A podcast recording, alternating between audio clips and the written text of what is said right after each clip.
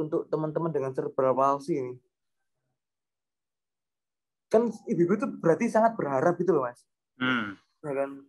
Berarti kuncinya kan ini nggak usah ngomong ganja buat buat nyimeng-nyimengnya aja nih, tapi yang Mabuk-mabukan gitu ya. yang sakit-sakit yang sakit-sakit itu ibu-ibu itu butuh obatnya sekarang mas nggak nggak nunggu nanti karena kalau nunggu nanti ini sudah berapa korban almarhum Yeni Irawati Ya.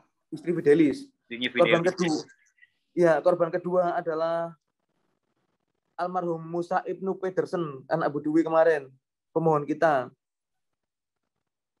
Mau nunggu apa mas? Ini negara yang harusnya kewajibannya itu melindungi kesehatan warga negaranya mas.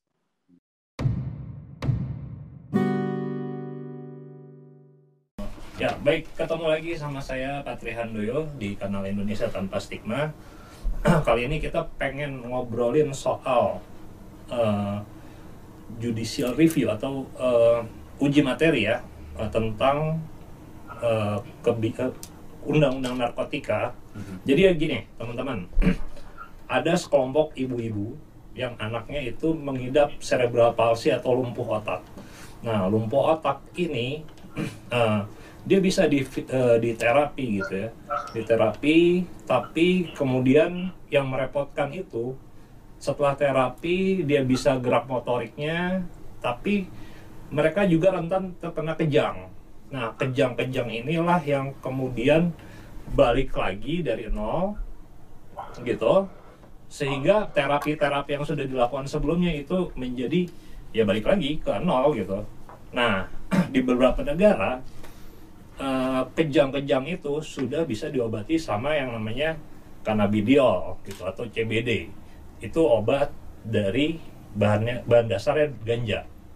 Nah, eh, saya di sini temani sama Singgih Tommy Gumilang atau disebut ya panggil saya Tommy gitu ya. Sama rekan saya Tri, Tri Rwanda gitu. eh jadi eh, gimana Mas Tommy? Ini udah dua kali sidang ya? sudah eh, sidang pertama permohon pengajuan permohonan Hmm. sidang kedua perbaikan sidang ketiga Yang saksi eh, saksi ahli ini.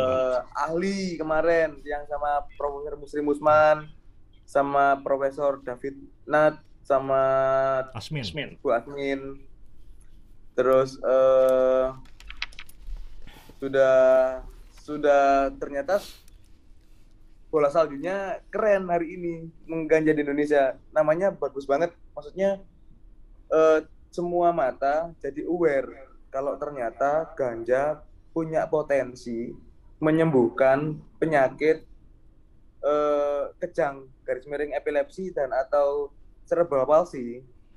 Walaupun eh, pada kenyataannya dilarang dengan pembuktian Ibu Dwi dengan almarhum Musa di Ya.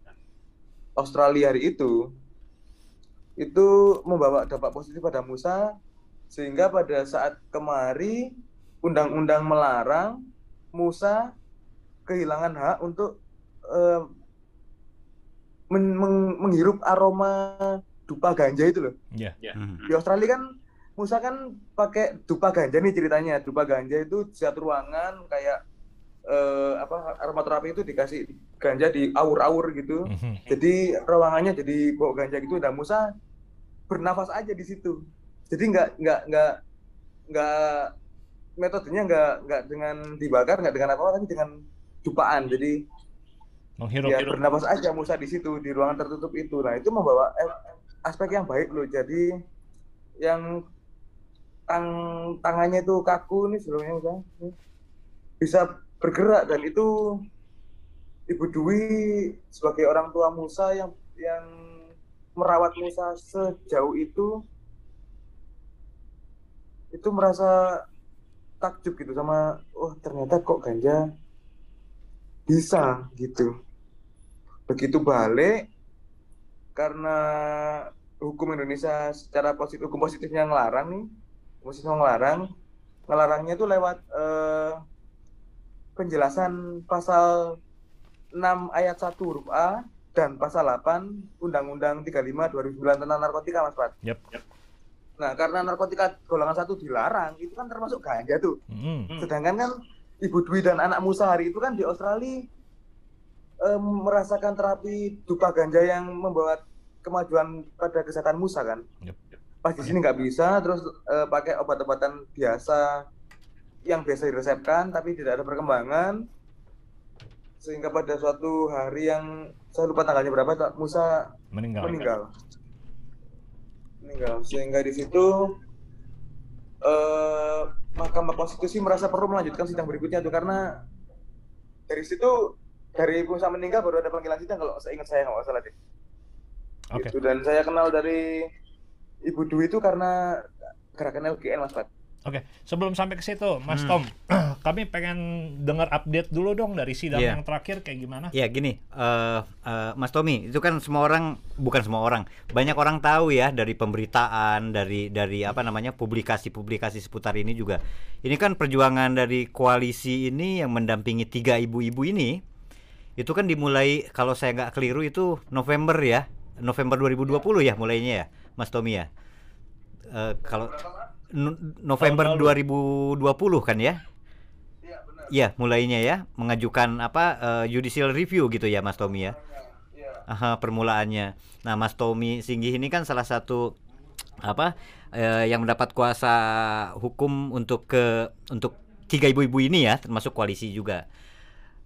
Update dong. Eh, kemarin kan tanggal 30 Nov eh, 30 September yang eh 30 Agustus lalu kan sudah ada sidang juga ya, Mas Tommy ya. Mhm. Mendengarkan saksi yang diajukan oleh pemohon kalau saya nggak salah ya, saksi ahli. Itu gimana Mas Tommy jalannya sidang tempo hari? Karena barangkali ada beberapa penonton kanal Indonesia tanpa stigma ini nggak sempat ngikutin. Gimana tuh Mas inti-intinya Mas? Oke. Saya boleh boleh berangkat mulai sebelum ruang sidang dibuka nggak? Ah, boleh, boleh, boleh, boleh banget. Ah. Sebelum ruang sidang dibuka, itu kan saya udah eh, terhubung pada layar Zoom MK kan dengan mereka sudah ter- terkoneksi. Nah, Mhm. sebelum layar kanalnya dibuka di YouTube nih, itu udah 14 menunggu. Oh gitu ya. 14 sudah menunggu menunggu acara yang belum belum mulai itu loh. itu. Nah, antusiasme antusiasme ini kulihat ya. Karena aku pernah bersaksi sama kebetulan waktu itu saya sama Dira pernah ke pernah main, pernah nengokin Mahkamah Konstitusi. Kebetulan hari itu yang gugat adalah pecandu sabu hari itu. Hari itu Hmm. Pecandu sabu eh yang nonton itu cuman saya sama Dira titik. Hmm. Tapi berbeda dengan kemarin. Tanggal Beda dengan antusiasme bola salju eh, narkotika golongan satu untuk kesehatan. Jadi yang yang waktu itu saya waktu itu sidang itu untuk itu untuk masalah diri sendiri ya, untuk penggunaan diri sendiri ya waktu itu ya. Yang yang yang MK yang waktu itu saya lihat sama Dira, yang pengunjungnya dua orang, itu pandangnya untuk diri sendiri, itu yang nonton cuma dua tuh sidang hari itu, saya dan Dira. Nah, sedangkan waktu sidang MK yang ini rasa atmosfernya itu kerasa sebelum sidang pun udah 14 antri untuk melihat tuh mas. Oke.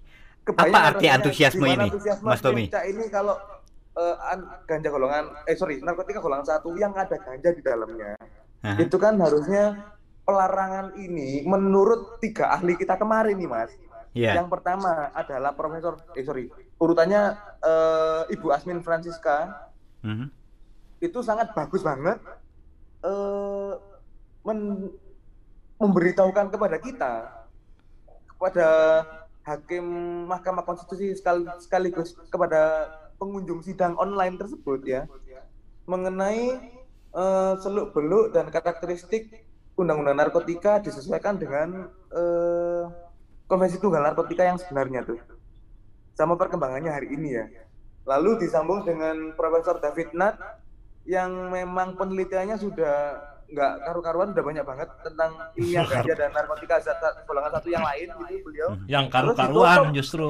yang seru nih ditutup sama Profesor Muslim Musman nih Oh ya karena gimana? Profesor Muslim Musman itu adalah ahli kimia bahan alam dari Unsia Banda Aceh Ya. nih Mhm. Unsyak yang punya ganja kan Aceh nih yang punya tanah ganja tanya Iya. Aceh kan itu Iya. yang ngomong Profesor Profesor Aceh nih yang ngomong nih Hmm. maksudnya beliau ini kan sekarang eh, konsentrasinya kan masalah penyalahgunaan ya. Sebenarnya semua zat itu bisa di apa ya dipilah-pilah sesuai dengan kebutuhan. Melalui metode yang sudah beliau eh, ahlinya di situ itu beliau bisa memisahkan zat-zat mana yang dipakai untuk apa. Yang lainnya yang nggak dipakai itu gimana perilakuannya gitu. Jadi eh, menariknya pada pada pada bahan pada bahan untuk kita mengajukan uji materi ini kan ganja untuk si apa namanya lumbu otaknya si Musa kan kemarin itu. Mhm. Nah, ini kan ternyata benar Mas Fatih tadi bilang anak-anak ini permasalahan utamanya adalah pada kejang. Oke. Nah, Kejang ya. Kejam. Iya, kenapa saya mengikuti JR ini? Kenapa saya antusias banget JR ini? Karena eh sebenarnya adikku pun cerebral palsy, adik kandungku. Oke. Lima tahun di bawahku usianya. Hmm. Oke. Oke, Dan oke. papaku tak suruh pakai ganja itu nggak mau, Mas Pat. Oh iya. Tak suruh pakai ekstra ganja itu nggak mau karena apa? Takut, Mas. Iyalah. Iyalah. Takut. Nah, makanya nih kan eh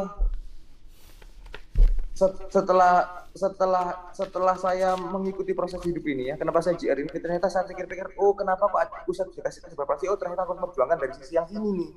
Hmm. Jadi kan aku cuma berdua, aku sama adikku nih ceritanya. Hmm. adikku yang cerebral palsy, aku dengan eh, teman-teman di koalisi sekarang ini lagi merjuangin pengobatan narkotika golongan satu, termasuk ganja untuk kesehatan, Mas Pat. Mhm. Iya. Ternyata misterinya di situ, Mas. Asiknya. betul, betul. Jalan Tuhannya tuh loh, kan kita nggak tahu nih jalan Tuhan. Yang Iya. kita tahu kan jalan ninja kadang-kadang. Atau jalan pedang ya. Nah, Mas Tommy ini tadi menarik Mas Tommy mengawalinya dengan setting sewaktu Zoom dibuka sudah ada 14 orang yang menunggu gitu ya. Berbeda dengan sidang yang Mas Tommy alami sebelumnya ya. Nah, apa apa Mas Tommy tadi sudah katakan ini ada antusiasme pada saat sidang kemarin. Apa arti antusiasme itu buat Mas Tommy, Mas? Hukum ini kan harusnya dinamis ya. Hmm. Karena hukum ini kan sebenarnya harusnya mengatur ya. Iya. Ya kan mengatur apa ya keadaan terupdate yang diatur ya kan. Bila mana dunia sudah membuktikan kalau ternyata ganja punya manfaat untuk kesehatan. Lah kan sebenarnya kita sebagai bangsa tinggal milih nih. Kita mau jadi konsumen doang apa kita mau jadi apa sudut pandangnya. Kalau kita mau jadi konsumen doang, yakin aku ganja medis pasti masuk di Mhm. Indonesia suatu hari nanti Hmm. kan cuman kan ini perjuangan anak bangsa untuk mem- memerdekakan orang-orang yang sakit ini yang butuh obatnya sekarang mas Pat Yep, ya, ya, betul. iya kan mas bener nggak jadi Ya. ini Ya, bukan perjuangan ya, untuk melegalisasi ganja medis global global farmasi masuk gitu eh, big pharma masuk gitu enggak gini ini perjuangan anak bangsa untuk eh, memanfaatkan narkotika golongan satu termasuk ganja untuk kepentingan pelayanan kesehatan kuncinya karena yang sakit butuh obatnya sekarang itu kuncinya Hmm. Gitu loh. Nah, sedangkan yang sakit ini jadi haknya terpenggal karena adanya penjelasan pasal 6 ayat 1 huruf A dan pasal 8 Undang-Undang Narkotika lagi Mas Bati. Itu tadi yang menghalangi kita makanya koalisi bersepakat untuk itu kita tabrak pasal itu. Itu kita uji pasal itu ke Mahkamah Konstitusi. Karena apa? Karena yang sakit ini butuh hak pelayanan kesehatan sebagaimana diatur Undang-Undang Dasar Mas Pat. Oke. Jadi Tom yang diuji itu dua pasal ya dalam undang-undang narkotikanya. Yang pasal 8 Hmm. bunyinya eh, ayat 1 ya, narkotika golongan 1 dilarang u- digunakan untuk kepentingan pelayanan kesehatan. Yang penjelasan pasal 6 Mhm. eh, yang penjelasan pasalnya bunyinya gini Mas Bat. Gimana? Penjelasan pasal 6 ayat 1 huruf A berbunyi Nah, dalam ketentuan ini yang dimaksud dengan narkotika golongan satu adalah narkotika yang hanya dapat digunakan untuk tujuan pengembangan ilmu pengetahuan dan tidak digunakan dalam terapi serta mempunyai potensi tinggi, potensi sangat tinggi mengakibatkan ketergantungan Mas Bat. Nah, di sini yang yang kita minta adalah hanya dapat digunakan untuk ilmu, pengetahuan itu Mas Bat. Kenapa nggak digunakan pelayanan kesehatan? Sedangkan Undang-Undang Dasar 45 itu punya pasal yang berbunyi eh, tentang hak ya, tentang hak asasi manusia ya. 8 itu ya, 28D ya. Iya, 28 28 itu yang menyatakan bahwa berhak atas pelayanan kesehatan. Ya, iya, termasuk mem- memanfaatkan ilmu pengetahuan dan teknologi toh. Benar. Benar. Oke, eh, Bung Tom, aku mau Oke, tadi prosesnya seperti itu ya. Ada antusiasme, kemudian juga ada apa lagi Tri, tadi? Ya, kelihatan sih bahwa iya ini menyadarkan banyak orang gitu menyadarkan loh. banyak orang. Nah, tapi aku juga kami pengen tahu nih, Mas Tom. Dikau tuh kenal sama ibu-ibu sama ibu-ibu itu gimana sih ceritanya? Tiga ibu pemohon ini Heeh. dari mana sih Mas Tommy? Seorang lawyer gitu loh. Ah, Gimana kok kenal dengan teman-teman ini? Ibu-ibu ini. Nah, jadi gini ceritanya. Berawal dari eh, karena Lingkar Ganja Nusantara waktu itu Dira, si Dira, mhm. eh, kalau nggak salah belajar di ada namanya Bumi Langit di Jogja tuh untuk pertanian organiknya tuh. Eh a- pertanian Dira tuh belajarnya di situ. Lalu eh, di situ Dira ketemu sama Ibu Dwi dan Musa tuh awalnya tuh. Hmm. bertemu dengan Ibu Dwi dan Musa. Terus eh, pada kunjungan kedua saya dikenalkan dengan Bu Dwi dan Musa karena saya punya pandangan bahwa ada hak Musa ya kan yang harusnya didapat pengobatan di Indonesia tapi di jadi nggak bisa karena undang-undang Hmm. Lalu setelah itu kebetulan saya ketemu sama teman-teman koalisi nih, Hmm. yang ternyata idenya sama Mas Pat. Ya, Ya, ya, gimana? Idenya eh, kita ingin narkotika golongan satu itu dapat digunakan untuk pelayanan kesehatan Mas Pat. Mhm. Nah, kebetulan pas era-era awal ngobrol itu, kebetulan aku lagi tesis Mas Pat, awal kemarin itu. Lagi tesis, jadi tesisku juga tak sambung ini. Tesisku judulnya Prospektif Ganja Indonesia untuk kepentingan pelayanan kesehatan kemarin Mas Pat. Udah selesai tuh. Oke. Oke. Nah, jadi eh, ketemu Bu Dwi lah di Dira. Terus akhirnya di belakang Bu Dwi ini ada ibu-ibu ibu-ibu dengan anak cerebral palsy di Jogja yang punya komunitas itu jumlahnya hampir 5000. Oke. Oke. Hampir lima ribu. Hampir 5000. Di Di Jogja, aja, tuh. tuh. Eh, mohon saya dicek kalau salah itu di Jogja aja tuh. Oke. Oke. Ya, jadi ketemu dengan teman-temannya Bu Dwi itu kan akhirnya mereka membuat kampung mus-mus namanya ya. Hmm. Dengan adanya Musa dan teman-temannya Musa itu akhirnya ada namanya kampung mus-mus terapi, terapi serba palsi gitu. Terus di situ juga mulai di, di- dibukakan eh, wacana bahwa di sana itu ternyata ganja bisa me- meredakan eh sorry me- menurunkan kejang loh sedangkan masalah pada anak cerebral palsy itu pada kejang nih Tunggu. Tunggu. Itu yang ngajarin, yang ngajarin, yang ngasih tahu ganja bisa mengobati kejang itu siapa? bukan ngajarin jadi Bu Dwi cerita Oh, Bu Dwi. pengalamannya sama aku saja Oh, Oke. Oke. di situ loh di Australia Iya, iya, waktu iya, iya. lupa ganja itu Ya, ya, Ya, ya. sip, sip, sip. Terus, terus, terus. bercerita berceritalah beliau kepada ibu-ibu dengan nasib yang sama kan sebenarnya ibu-ibu ini mas Hmm. sebenarnya dengan anak yang sama gitu loh ceritanya kondisinya lah. Jadi sharingnya lebih mudah diterima. Terus eh, dari kekuatan itu beberapa kita mohon untuk jadi pemohon. Hmm. kebetulan waktu itu yang kemari adalah Mas Eras. Ya. giliran jadi tok-tokannya. Waktu itu yang ke sini Mas Eras ketemu lagi sama Bu Dwi ketemu lagi sama ibu itu ibu itu. Terus ditambah dengan tiga lembaga yang membantu kita untuk menjadi pemohon. Mhm. yang merasakan hak benar-benar hak ini dilanggar gitu lah undang-undang secara kepercayaan diri eh, sebenarnya bila mana ditabrakkan dengan konstitusi yang lebih tinggi ya kan bila mana undang-undang ini ber, ber- ber- bertentangan dengan undang-undang 45 ya mesti mestinya sih mesti menang kita harusnya ya Harusnya. Harusnya. makanya pem- di pembuktian ini di pembuktian ini saatnya kita membagi ini pengetahuan ke hakim. Mungkin beliau udah tahu, tapi kan nggak mendalam nih. Ya. Nah, Hmm. kita mendatangkan ahli-ahli yang bisa mengupas itu secara mendalam. Soalnya pertanyaan hakim juga bagus-bagus, Mas Prat. Kalau Hmm. kita amati bareng-bareng nih. Apa? Kritis hakimnya hari ini.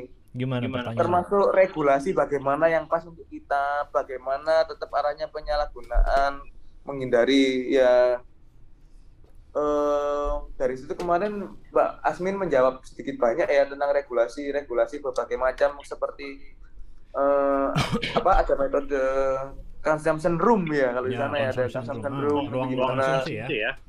Mm-mm, justru arahnya kepada tanya jawab yang elegan gimana Indonesia harus mengatur ini karena hukum itu harusnya dinamis Mas Pat. Iya. Ya. Undang-undang narkotika itu 2009 Mas Pat. Mhm. Hmm.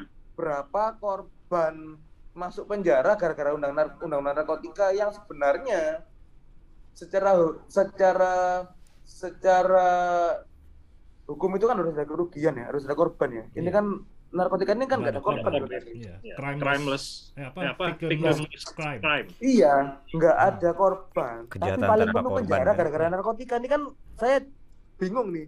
Sedangkan Pak Yasona ngomongnya pastinya harus ngurangi penjara rehab, ngurangi penjara rehab, ngurangi penjara rehab. Sedangkan sedangkan kalau kita pindah ke rehab, ya masalahnya baru lagi nanti rehab. Makanya peraturan yang ideal itu kita cari sekarang nih. Idealnya itu sekarang nih kita cari harusnya nih. Karena kalau mindahin yang penjara ke rehab, penjara pasti semua penuh dan masalah baru nanti buat Kemensos. Hmm. Tom. Eh, ya eh, gini, itu tadi Mas eh, apa namanya cerita soal beracaranya ya. Sebelum sampai ke situ, tentunya eh, kalian koalisi ini membujuk ibu-ibu itu dong supaya mau menjadi pemohon gitu ya kira-kira. Tapi kan eh, tentu saja banyak pertimbangan gitu. Wah nanti saya kalau misalnya ini nanti saya disangka apa eh, melanggar undang-undang dan seterusnya dan seterusnya. Itu gimana tuh cara cara Tommy dan kawan-kawan bisa akhirnya membujuk ibu-ibu itu untuk menjadi pemohon? Mm-mm. Memang bener tuh. Awalnya Itu kan PR juga ya. bener bener bener jadi mem- mem- meminang ya Iya. meminang Hmm. mem- meminang ibu-ibu ini jadi pemohon itu butuh tektok tektok yang enggak yang enggak sekali dua kali mas Pat Hmm. ketakutannya adalah pada saat saya menjadi pemohon apakah saya bisa berurusan dengan hukum Polisi. di Indonesia? Karena kalau saya harus berurusan dengan hukum di Indonesia bagaimana anak saya? Sedangkan kan ini kita berusaha untuk anak saya gitu. Dilemanya gitu mas awal-awal tuh. Iya, iya. ya kan? Terus akhirnya kita pendalaman memastikan kalau pada ibu pemohon tidak ada barang bukti mas Pat ya kan memastikan bahwa pengobatan itu hanya terjadi di Australia hari itu khususnya untuk Budwi ya Hmm. yang pertama kali nandan kuasa kan Budwi itu person pertama Iya. harus memastikan kalau dipakai di Malaysia setelah di sini wis ento- eh, udah nggak ada pertama sekali itu pengobatan nah terus ketakutan-ketakutan itu jadinya kan eh, seandainya bentuknya adalah bentuknya adalah penekanan kan makanya koalisi itu eh, punya andil untuk gimana caranya nggak terjadi pressing ke ibu-ibu pemohon ini justru di situ nadinya koalisi kan jadi di saat itu terjadi titik temu Hmm? barulah strek strek strek strek strek tanda tangan gitu. emang itu proses sih mas Prat saya Ya, di proses ya. saya ada di proses itu soalnya ada di proses takut takut itu soalnya Betul. Sejauh ini kan berarti udah tiga kali sidang ya, Tom ya. Ada nggak eh, teror gitu atau apa ke ibu-ibu itu? Sejauh ini sih nggak ada ya Nggak ada ya? Ada ya? Sejauh ini sih nggak ada ya nggak ada nggak ada Oke. aman-aman ibu itu masih tetap eh, melindungi anaknya seperti biasanya sih tetap beker- bekerja yang punya aktivitas kayak Bu Dwi punya kebun urusin kebun Kan Dikau tahu juga lah, banyak banget tuh yang tentang legalisasi ganja. Ya nggak sih? gitu. Sejauh ini aman ya? Eh, saya pengen tahu gini, eh, Mas Tommy. Setelah eh, sidang kemarin itu berlangsung, kemudian saksi apa ahli ya ahli sudah didengar keterangannya dan menurut Mas Tommy juga hakim juga cukup baik ya dalam dalam apa mengelola persidangan kemarin itu. Nah, sidang berikutnya berarti apalagi sih setelah itu, Mas Tommy? Sidang berikutnya itu agendanya kebetulan adalah 14 September 2021, Senin. September ya. Senin, Senin. Senin besok nih, Senin besok nih. Nah, agenda berikutnya kuasa pemohon mencoba menghadirkan ahli kembali. Kali ini kita akan berusaha menghadirkan dokter-dokter yang kali ini. Hmm. Tunggu. Yang Apakah apakah itu berarti yang tiga saksi ahli kemarin memang dirasa belum cukup atau gimana tuh Mas? Saya awam dalam dalam uh, soal persidangan ini. Oke. Tim koalisi kemarin dalam eh, agenda siapa waktu kita meeting internal siapa saja sih ahli-ahli yang sekiranya kita datangin itu melis beberapa nama. Nah, kebetulan MK ngasih kesempatannya tiga tiga. Oh. Jadi tiga pertama, tiga kedua, Tiga kloter lah ya. Eh satu kloter itu tiga lah satu ya. kloter tiga, Ah, ya ah. satu kloter kemarin kloter pertama diisi tiga. Ya. Eh, As- Bu Asmin, Dari Universitas Atmajaya ya itu. ya. Mhm. Mm-mm. Oke. Jadi eh, yang tanggal 14 ini akan ada tiga lagi ya berarti ya, eh, Mas Tommy.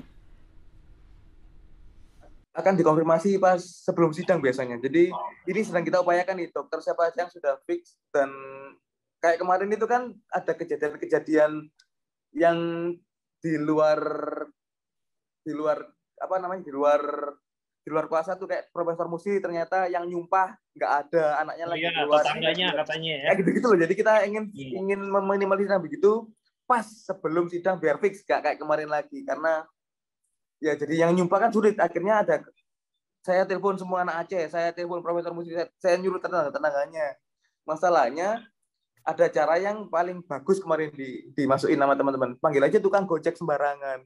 Suruh datang pas datang suruh nyumpah doang. Habis itu pergi deh tukang gojek. Ternyata lebih cepat anaknya pulang daripada tukang gojek. Yang nyumpah itu anaknya tuh. Yang bawa Al-Quran diproduksi anaknya akhirnya tuh. Padahal kita udah siapin tukang gojek tuh. Kita orderin Hmm. gojek ke ke Profesor Musri ke rumahnya cuma apa buat magangin Quran tuh sesuai syarat MK tuh. Oke. Ya kawan-kawan di rumah ini ya yang kadang-kadang nggak diketahui orang Iya. ya, nggak diketahui orang di balik sebuah persidangan tuh seperti ini ya liku-likunya ya. Eh, Oke, tanggal 14 eh, nanti dan dan eh, Mas Tommy apakah ada perkiraan gini loh Mas, apakah ini akan panjang jalannya sidang ini akan masih berliku-liku atau mungkin eh, sebetulnya teman-teman koalisi termasuk Rumah Semara ya Pak Ya, ya, hmm. memiliki target tertentu ini harus selesai kapan misalnya di tahun ini deh harus ada keputusan atau apa S- seperti itu nggak sih cara berpikirnya? Oke. Kalau gini. Jadi hukum acara konstitusi itu yang mengetahui agenda itu hanya beliau-beliau, Bapak Hakim Ketua Konstitusi. Hakim ya Hakim, berarti. Sembilan. Iya, ruangan punya dia kan. Ya. Jadi Ya. agenda yang saya dia, jadi berapa lama-lamanya itu eh, sebenarnya bukan di kuasa kita untuk mengetahui. Ya. Jadi beliau misalkan hari ini nih, hari sidang, udah ada tanggal berikutnya tuh 14, itu udah ada tuh di mereka tuh. Kita cuma bisa mendengar setelah mereka ngomong. Mhm. Oh 14 setelahnya gitu baru kita nyatet.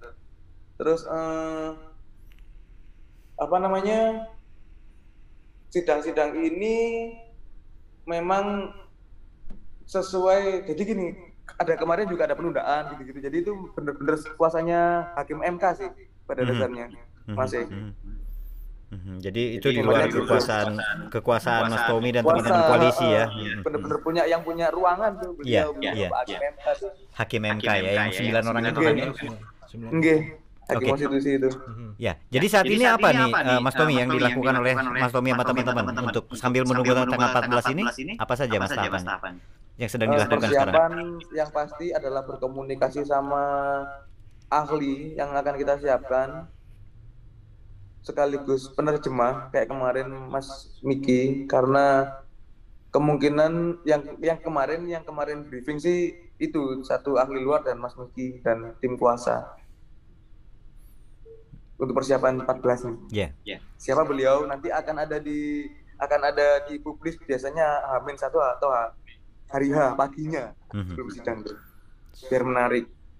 Tapi sidang ini menarik sih. Sidang ini menarik sih. Jadi kenapa kok saya bilang bola bola es ini semakin besar? Karena media yang nulis semakin beragam. Iya, iya, Hmm, betul. betul. bener kan? Ya, jadi media yang semakin beragam video yang bermunculan semakin banyak ya kan? Yang berinteraksi sama akun sosial media yang sesuai dengan yang bisa dicek di layar meningkat gitu ada grafiknya gitu loh oh isu ini isu ini yang makan banyak ternyata Hmm. Ganja Yang- medis ini ya. Ya. yang ingin tahu yang tiba-tiba ingin tahu loh Hmm, hmm. jadi keingintahuan itu kan munculnya kalau sebenarnya menarik apa enggak obrolannya nih berarti ini menarik menurutku Hmm. banyak banyak yang mengkonsumsi ini sebagai ilmu soalnya ilmu baru Oke. bahkan itu banyak yang bisa dikutip sebenarnya omong-omongan profesor-profesor kemarin itu Iya betul. Ya, betul. Nah, ya kalau kan gini ya, pengidap lumpuh otak tuh kan ada banyak ya di Indonesia ya, ratusan ribu bahkan saya nggak tahu berapa jumlahnya. Ada nggak sih eh, apa namanya pengidap lumpuh otak itu orang tuanya yang kemudian menghubungi para pemohon gitu? Kan tiga Untuk- pemohon ini jadi tenar nih gara-gara gara-gara sidang di Oh. MK gitu atau LGN deh gitu banyak nggak sih yang dari daerah lain nggak cuma Jogja aja Ya apakah Ada nggak? Mungkin pertanyaan lu apakah apa sudah sampai pengaruhnya udah sampai ke sana Iya, gitu ya. ha. Sampai orang-orang misalnya ibu-ibu yang sama mengalami nasib sama kalau kata bahasa Mas Tommy tadi kan sampai kemudian menghubungi siapa tahu Menghubungi. komunitas yang di Jogja tadi atau ibu-ibu pemohon ini misalnya ada nggak Mas info-info seperti itu Mas Tommy? ini kalau dalam gerakan sosial, sosial nih ya dalam gerakan Hmm. sosial yang bisa kita lihat di sosial media itu sekarang banyak video-video dengan tagar rakyat berhak sehat itu adalah harapan-harapan ibu-ibu yang kadang-kadang kalau di repost sama LGN itu fotonya sama anaknya yang ternyata nasibnya sama kayak Musa nih mas. Hmm. jadi jadi gerakan jadinya. Iya, iya. jadi gerakan gitu loh jadi gerakan bareng-bareng gitu loh. Enaknya tuh. Rakyat berhak sehat ini jadi gerakan gitu. Jadi eh, banyak ibu-ibu yang foto ini bapak eh, ini suami ini istri sebelah- ini tengahnya anaknya. Hmm, itu foto rakyat berhak sehat gitu oh sama nih kayak Musa gitu oke. kita kita repost kita repost di story gitu mas jadi gerakan sih Hmm. kemarin Musa tuh waktu sidang jadi gerakan tuh oh iya gitu tuh enaknya begitu enaknya eh, komunikasi tagar ini juga membuat kita bisa nge-track berapa sih yang view berapa, Iya. berapa sih yang tertarik Statistiknya ya. ya. Mhm. iya bener bisa di bisa dicek grafik naik turunnya gitu loh Hmm. kena grafik naiknya itu pasti kalau mau sidang tuh. Oh iya. Pas mau sidang justru. Ya kan mau, mau sidang kan kita selalu sebar Ya. rilis pasti betul. Terus kita selalu sebar undangan sidang Mhm. tuh. Hmm. di situ grafik naik tuh. Hmm. gitu pas sidang naik tuh. Terus Hmm. datar. Terus kan ada frekuensi kan ada isu yang lain dulu. SJ misalkan keluar dari dalam gitu gitu gitulah kedistrak dulu. Mau sidang lagi? Naik lagi nih isunya nih tagar itu pasti Gitu. Oke. makanya nih bagus banget nih konsep bernafasnya kan kayak bernafas nih naik dulu turun dulu isu yang lain naik lagi turun lagi Fluktuatif ya. Mhm. Mm-mm, enaknya sidang MK Mas Pat. Enaknya Ya. kalau sidang uji materi di MK itu Mhm. kesempatan medianya berlipat besar karena dibandingkan dengan uji materi di MA. ya karena Bedanya apa Mas Pat. Oh. Kalau uji materi di MA Mahkamah Agung Mhm. Yang diuji adalah eh, peraturan di bawahnya undang-undang dengan undang-undang. Jadi batu ujinya undang-undang. oke ya Sedangkan yang di Mahkamah Konstitusi undang-undang dasar undang-undang dengan undang-undang dasar. Ya. Konstitusi ya. Hmm. Kalau di MA Mas Pat, itu kamu cuman bol kamu isu ini cuman bisa masuk media sehari nih. Pada saat apa nih? Pada saat mengajukan permohonan itu doang. Hmm. Karena nggak ada sidang Mas Pat. Hmm. Kalau di MA nih. Nah, sedangkan di MK kan per agenda pemeriksaan itu kan ada sidang. Nah, otomatis kita bisa mengajak eh, teman-teman media untuk ayo melihat barang-barang yuk sedang ngomong apa sih MK dan para ahli-ahli ganja nih gitu. Para ahli-ahli narkotika golongan satu nih gitu. Ganja. ahli sorry, ganja sorry, ya. sorry, sorry, sorry, sorry, saya luruskan narkotika. Iya, bahkan di Thailand ada yang namanya dokter ganja kan Mm-mm. ayo Tom Ada guru ganja juga. Tom eh, menurut Dikau apa sih yang akan menjadi tantangan ke depan dalam proses uji materi ini Jadi kalau tantangan sih menurutku justru aku belum melihat dari kemarin-kemarin itu pemerintah bertanya ke ahli, Mas. Hmm. Pemerintah itu diwakili oleh presiden, presiden diwakili oleh Kemenkes, Kemenkumham dan Kejaksaan RI kemarin Hmm. dan DPR itu dengan adanya paparan yang bagus dari tiga ahli kemarin, kok aku bingungnya nggak ada pertanyaan ya? Oh iya. Iya, Mas. Jadi Bas. jadi perwakilan itu pemerintah itu tidak bertanya. dan kuasa pemohon. Pertanyaan itu hadir dari hakim, hakim Hmm. konstitusi Mhm. dan kuasa pemohon, Mas Bat. Hmm. Pemerintah nggak nanya sama sekali. Belum, belum ada. Tapi dikasih kesempatan. Dikasih, tapi mereka mm, uh, bersurat uh, men- menyampaikan pendapat, namanya pendapat pemerintah kemarin. Heeh. Tapi by surat Mas Bat. Jadi tidak di tidak di tidak di tidak di tidak dinyatakan dalam sidang tapi akan menyatakan by surat gitu Oh, katanya. oke. Oke. Dokumen, dokumen. Maksudku kalau ditanya tant- tantangan apa, justru aku pengen bertanya, kok pemerintah nggak tertantang atas isu ini ya? Maksudku kok nggak ada pertanyaan Mas dengan dengan pernyataan ahli Iya, iya. yang bagus itu loh Mas Pat tiga orang itu mengemukakan sesuai dengan keahliannya Mas Pat bukan bukan bukan kaleng-kaleng tiga orang kemarin itu kan Betul betul. mengemukakan keahliannya Yalah profesor bisa- gitu loh, dekan. yang harusnya yang- bisa, ditanya itu kan kesempatan nanya bagus banget tuh sebenarnya Hmm. terutama masalah kesehatan ya terutama dari sisi Kementerian Kesehatan mungkin ya, Ya. penggolongan ini kan kenapa ditambah terus ya benar juga per- per- pertanyaan lagi kenapa narkotika golongan satu ditambah terus Hmm. ada nggak bukti riset untuk menambah narkotika golongan satu belum pernah ada menurutku Iya belum pernah. Hmm. Aku terakhir deh. Sip. Ya, Mas Tommy. eh ini ini di luar konteks persidangan ya. eh ini pertanyaan yang lagi-lagi mewakili awam loh ya. Ini bisa jadi. Jadi gimana pendapat Mas Tommy? Mungkin juga ini jawabannya bisa pribadi gitu. Kalau ada orang yang berpendapat kayak gini, ah ini kan dibikin aja koalisi ini kan orang-orang yang memang pengen legalin ganja biar nanti bisa ngeganja meskipun pakai embel-embel medis karena kan eh, biar biar jadi ini gitu loh biar jadi apa akal-akalan. Gimana Mas Tommy ngejawab itu Mas? Kalau ada yang sampai kemudian menyatakan hal seperti itu. Sebenarnya kalau kita mau legowo ya Hmm. kita mau legowo itu kita lihat sisi pemohon kita aja dulu. Oke. Sisi pemohon sisi Bu Dwi sisi Bu Santi sisi Bu Novi. Mungkin nggak semua anaknya kayak ibu-ibu itu ya maksudnya ya. Maksudnya tapi kalau kita jadi mereka nih ya kan dengan fakta-fakta ilmu pengetahuan berupa jurnal-jurnal yang dapat dipertanggungjawabkan ternyata ganja bermanfaat untuk kejang nih. Sedangkan kejang adalah indikator restart untuk teman-teman dengan cerebral palsy nih kan ibu-ibu itu berarti sangat berharap gitu loh mas.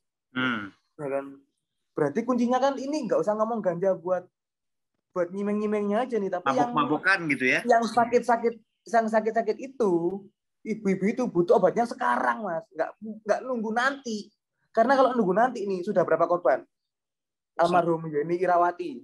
Ya. istri Fidelis. Korban kedua. Ya korban kedua adalah almarhum Musa Ibnu Pedersen anak Bu Dwi kemarin. Pemohon kita. Mau nunggu apa mas? Ini negara yang harusnya kewajibannya itu melindungi kesehatan warga negaranya mas. Kalau sampai banyak warga negara yang akhirnya menjadi korban penyalahpahaman pengertian konvensi tunggal, ya kan? Kan sekarang jadinya ngomongnya adalah penyalahpahaman pengertian konvensi tunggal. Iya. Mungkin translatornya nggak tersumpah hari itu.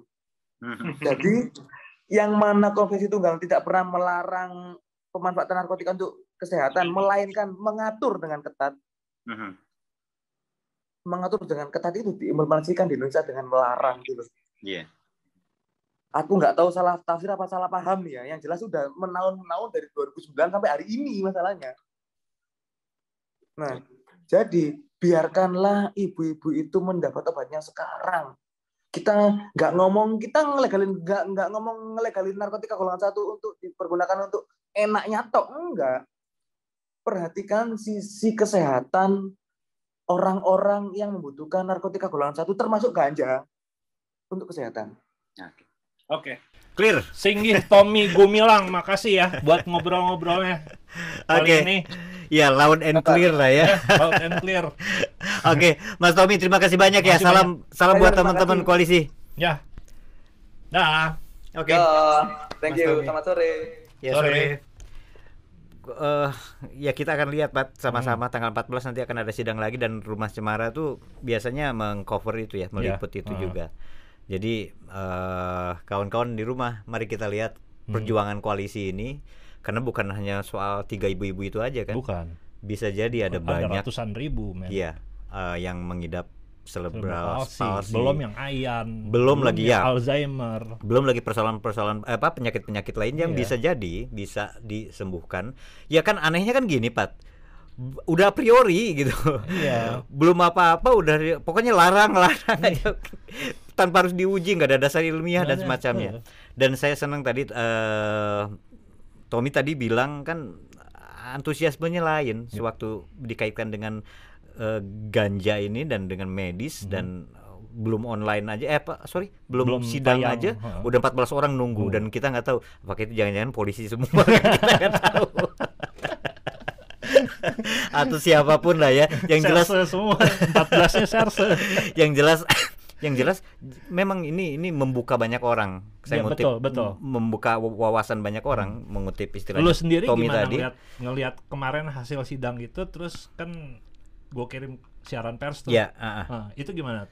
Ya menurut setahu lu? saya beberapa media mengutip itu Ah. artinya kan kalau media kan bakal ngelihatnya dari oh ini bernilai berita Hmm. artinya ini penting untuk orang banyak ini penting untuk diketahui orang Hmm. terlepas dari perspektifnya seperti apa ya Betul. nah cuma a- artinya ini ini ini menarik minat banyak orang ini hal baru bisa jadi apalagi Hmm. udah ada perjuangan yang sampai ke ingin masuk ke ranah hukumnya kan Hmm. jadi bukan cuma sekedar kampanye, Ya. bukan sekedar apa, bukan sekedar Tapi eh, ini serius wacana. ya. Ini serius, sampai men, d- dari, sampai dari mulai membujuk ibu-ibu Membujuk ibu itu. Gila lu. ya dan yang menarik tadi kan Pat, Tommy bilang itu Hmm. kan butuh proses karena ya wo- ya ya saya saya bisa Advokasi membayangkan lah, lah, ya saya membayangkan ibu-ibu awam ada yang berkebun juga Iya, kerjanya kan tadi. heeh. awam dia bukan aktivis LSM Iya. bukan eh, kelompok masyarakat sipil. Dia punya anak cerebral palsy Hmm.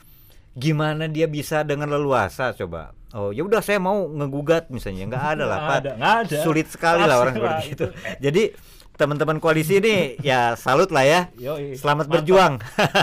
Ada banyak orang di belakangnya. Oke. Oke, sip, sip. gitu aja kali Pat ya oke Oke, terima kasih ya teman-teman udah nonton episode kali ini. Kita jumpa lagi kapan-kapan. Dadah.